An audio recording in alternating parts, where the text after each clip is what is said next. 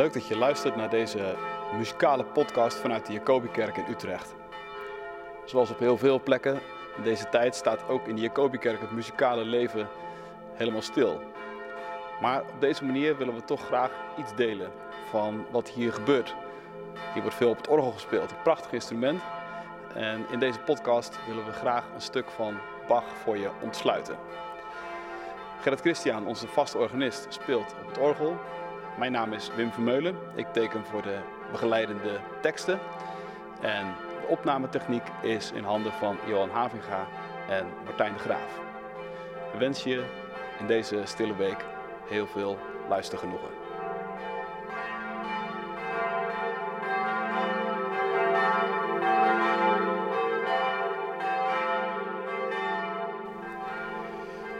De mens is maar een riet, het zwakste in de natuur. Om hem te verpletteren hoeft niet het hele universum naar de wapens te grijpen. Wat damp of een waterdruppel is voldoende om hem te doden. Al dus Blaise Pascal in een van zijn beroemde pensées of gedachten. En dat Pascal volmaakt gelijk heeft, wordt in deze tijd door de dagelijkse praktijk bevestigd. Wat damp of een waterdruppel, in de woorden van Pascal, is genoeg om op dit moment een groot deel van de wereld tot stilstand te brengen. Stilstand. De week voor Pasen heet in de traditie Stille Week. Andere tradities spreken wel van de Goede of de Heilige Week. En hoewel het er in de Bijbelgedeelten die in deze week in veel kerken centraal staan uiterst rumoerig toegaat, is het voor veel christenen een week van bezinning, van stilte, van concentratie, van tot stilstand komen. Dit jaar niet vrijwillig misschien, maar toch. Een van de dingen die het virus voor elkaar heeft gekregen, is dat we elkaar niet in groepen mogen ontmoeten. Voor christenen heeft dat wel grote gevolgen. Juist in de stille week komen ze graag samen om het lijden, sterven en de opstanding van Jezus te gedenken. Niet samenkomen betekent dat ook avondmaal vieren ingewikkeld wordt. En dat terwijl juist de viering van het avondmaal in de stille week een grote spirituele betekenis heeft. Dat gold zeker ook in de tijd van Bach. Als Lutheraan in de door het pietisme gestempelde 18e eeuw was hij zeer vertrouwd met teksten en liederen waarin op een innige, persoonlijke manier de betekenis van het lijden en het sterven van Jezus bezongen en doordacht werd. Op de tekst van een van die liederen maakte Bach een lange reeks orgelvariaties. Het stuk staat bekend onder de titel Sei gegrüßet Jesu gütig. Maar veel kenners gaan ervan uit dat er een andere tekst is op dezelfde melodie die aan het stuk ten grondslag ligt. Het eerste couplet gaat zo. O Jesu, du edele Gabe, mich mit deinem Blute labe. Daran habe ich meine Freude und stets meiner Seelen Weide. Dein Blut mich von Sünden wäschet und der Höllenblut auslöschet.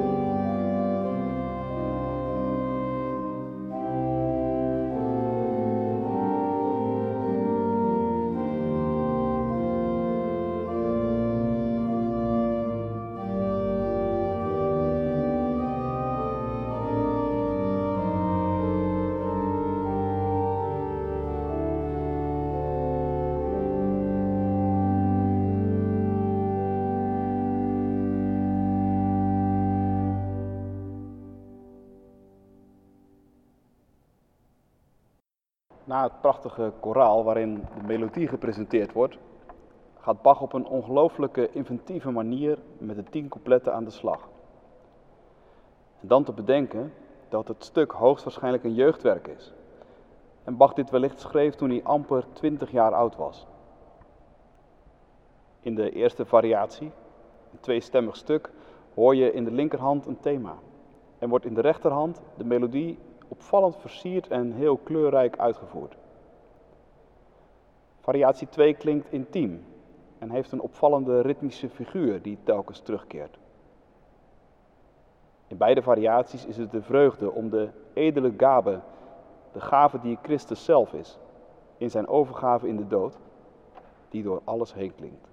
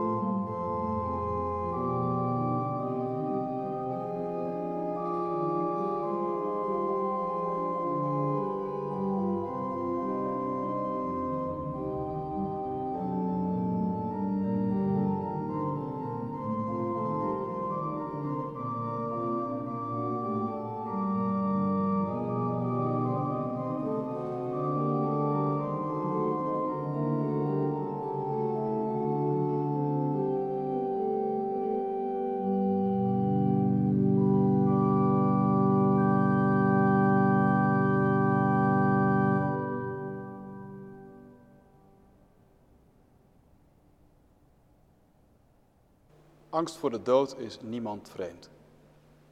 Juist in deze tijd beseffen veel mensen ineens hun sterfelijkheid weer op een nieuwe manier. De tekst van couplet 7 van het lied O Jezu, doe edele gabe spreekt over het grauwen van de dood. Toch is de muziek die Bach bij deze woorden componeert juist liefelijk van karakter. Opvallend is de 12 achtste maat. Een maatsoort die nogal eens in pastorale herderstukken wordt gebruikt. Niet vreemd dat Bach juist daarvoor kiest als je de rest van de tekst van dit couplet op je laat inwerken.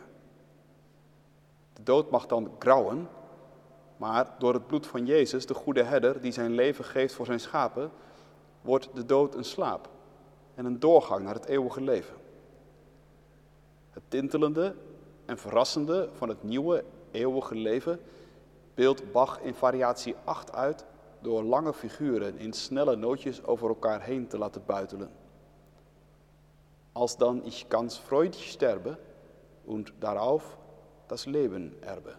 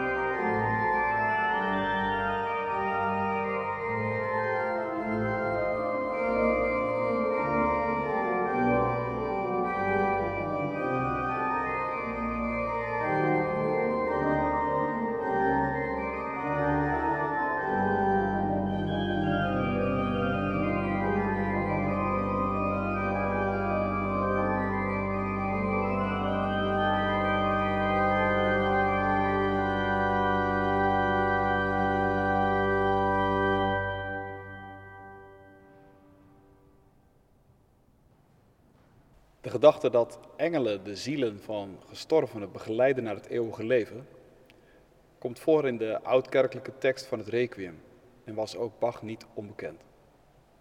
We komen hem bijvoorbeeld tegen in het slotkoraal van zijn beroemde Johannespassion. Ach Herr, las dein lieb Engelein. Een stuk waar veel mensen van houden, maar dat dit jaar helaas nergens in ons land live zal klinken. Ook het lied O Jezu, du edele Gabe besluit met een couplet waarin deze gedachte terugkeert. Drauf werd ich, wie mir bereitet, von den Engelein begleitet, gehen in dem weißen Kleide durch dein Blut zu deiner Freude.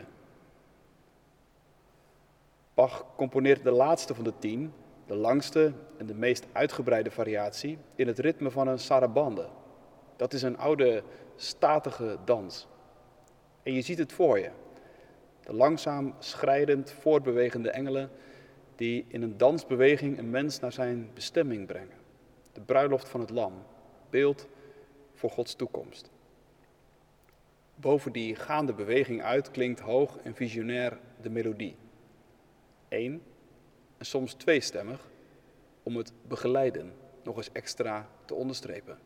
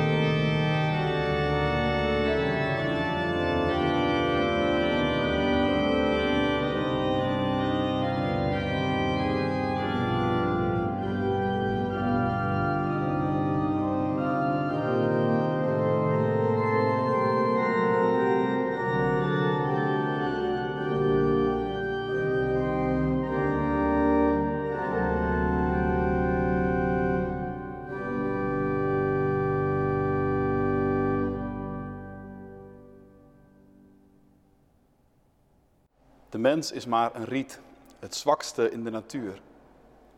Om hem te verpletteren hoeft niet het hele universum naar de wapens te grijpen. Wat damp of een waterdruppel is voldoende om hem te doden. Al dus Blaise Pascal, die ik zojuist overigens niet helemaal volledig citeerde. Pascal voegt in dit citaat halverwege namelijk nog een zinnetje toe. Een mens is weliswaar een riet, zegt hij, maar hij is een denkend riet. Onze waardigheid, zegt hij verderop, ligt in ons denken. En de grootheid van een mens bestaat daarin dat hij van zichzelf weet en bedenken kan dat hij ellendig is. Dat is voor Pascal trouwens geen doemdenken. Nee, al die ellende bewijst juist zijn grootheid. Het is, al dus Pascal, de ellende van een groot heer, van een ontroonde koning. Want wie voelt zich ongelukkig omdat hij geen koning is, behalve een ontroonde koning? Pascal kan over de mens alleen maar denken in tegenstellingen. Ik denk, Bach zou hem wel begrepen hebben. En is Bach er zelf ook niet een voorbeeld van? Een sterveling, maar niettemin een denkende sterveling, die zijn diepste hoop en vertrouwen onnavolgbaar wist om te zetten in hemelse schoonheid.